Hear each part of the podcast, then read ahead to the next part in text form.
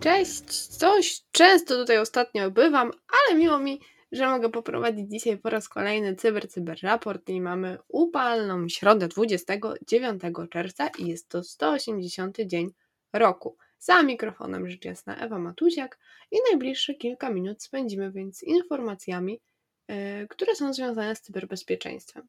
Z ciekawostek imieniny dzisiaj obchodzą Beata, Piotr oraz Paweł, a poza tym obchodzimy dzisiaj Dzień Rybaka i Dzień Ratownika WOPR.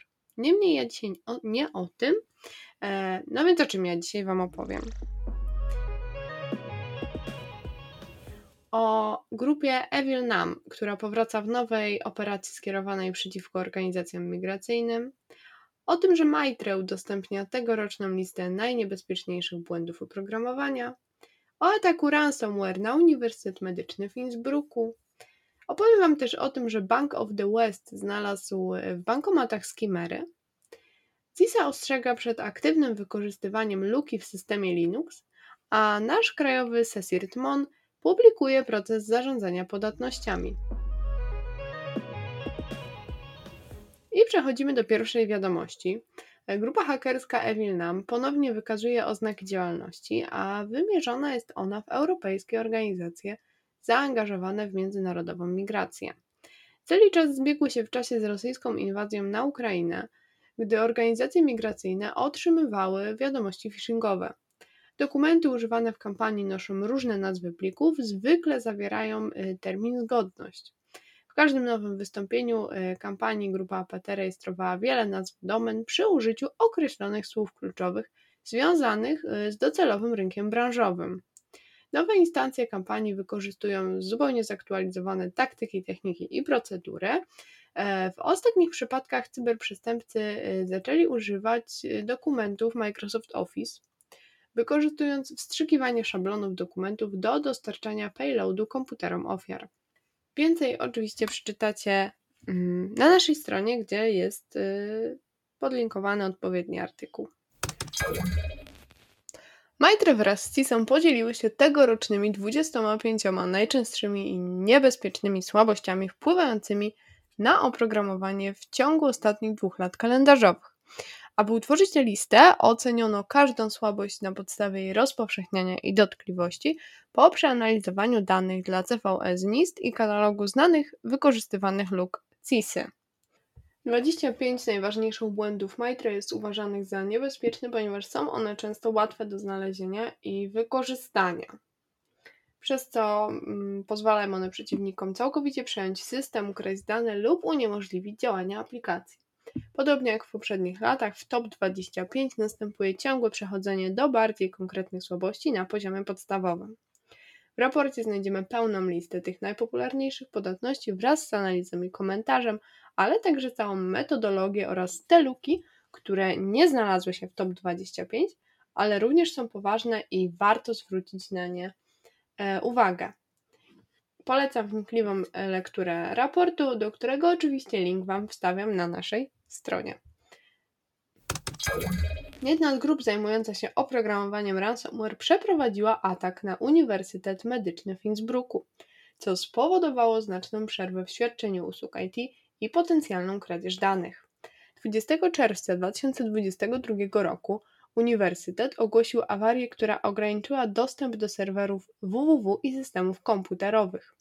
Dział IT Uniwersytetu zresetował hasła do wszystkich kont studentów i pracowników 21 czerwca, a następnie zlecił wszystkim zmianę poświadczeń. W następnych dniach Uniwersytet ostatecznie ponownie uruchomił swoje usługi online, a także główną stronę internetową, która początkowo została wyłączona. Uniwersytet przyznał, że stał się ofiarą ataku, ale początkowo nie podali żadnych szczegółów. Natomiast głos w sprawie zabrała grupa Vice Society, dodając Uniwersytet Medyczny w Innsbrucku do swojej strony wycieku danych, ujawniając obszerną listę dokumentów rzekomo skradzionych podczas cyberataku z zeszłego tygodnia. Wczoraj uniwersytet ponownie przedstawił komentarz, tym razem potwierdził, że był to atak ze strony tej grupy, Ponadto dodali, że dane z serwerów Uniwersytetu Medycznego w Innsbrucku zostały opublikowane w Dark Webie. Obecnie natomiast trwają analizy i badania dotyczące zakresu i charakteru danych. Bank of the West ostrzega klientów, że ich numery kart debetowych i kody PIN zostały skradzione przez skimery zainstalowane w kilku bankomatach tego banku. Skimming to jedno z najpopularniejszych przestępstw dotyczących bankowości elektronicznej i obrotu bezgotówkowego. Przestępcy kopiują dane z paska magnetycznego karty w celu wykorzystania ich do stworzenia duplikatu oryginalnej karty, a następnie wykorzystują ją do wypłaty gotówki albo dokonania zakupów.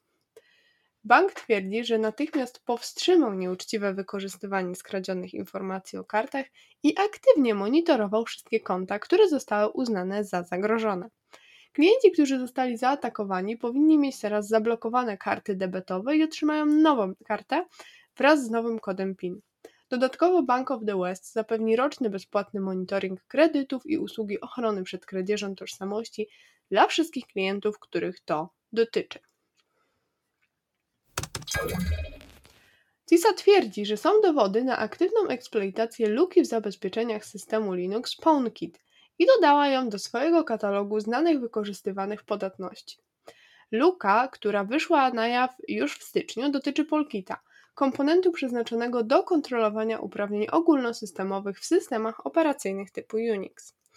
Pomyślnie e, wykorzystanie luki może skłonić PKExec do wykonania dowolnego kodu, przyznając nieuprzywilejowanemu atakującemu prawa administracyjne na maszynie docelowej i narażając hosta. Proof of concept są już dostępne i to od jakiegoś czasu, a ich eksploatacja jest łatwa, dlatego eksperci ostrzegają, że prawdopodobieństwo wykorzystania jest wysokie. Teraz CISA y, pozyskała informacje, być może prywatnie, o aktywnej eksploatacji i dlatego pojawiło się ostrzeżenie. A na koniec ciekawy raport, prosto z polskiego y, CSIRT-u Ministerstwa Obrony Narodowej o zarządzaniu podatnościami. E, jest to kolejny artykuł e, z tej jakby serii, ponieważ poprzedni dotyczył cyklu życia podatności i teraz taki kolejny krok. E, zgodnie z przyjętą definicją, zarządzanie podatnościami jest to praktyka identyfikowania, klasyfikowania, ustalania priorytetów, naprawiania i prób złagodzenia skutków wystąpienia podatności w zabezpieczeniach oprogramowania. I w publikacji zwrócona jest uwaga na to, że każda nowa lub znana, ale niezałatana podatność stanowi dla organizacji, dla organizacji mm, duże zagrożenie, ale wiele firm tylko okazjonalnie skanuje podatności, co jest stanowczo niewystarczające. Stąd też powstał taki swego rodzaju poradnik, y, z którego dowiecie się, dlaczego warto wdrożyć proces zarządzania podatnościami, a także jak, y, jak tego dokonać. Mm, jest nawet lista i opis przydatnych narzędzi, także warto się zapoznać, a odpowiedni link znajdziecie rzecz jasna na naszej stronie. I to by było na tyle dzisiaj. Dziękuję Wam bardzo za wspólny czas. Życzę miłego dnia, a jutro zapraszam na kolejny odcinek Cyber Cyber, z którego dowiecie się o zmianach, jakie czekają e, ten format na czas wakacji. Także bądźcie jutro czujni. Do usłyszenia.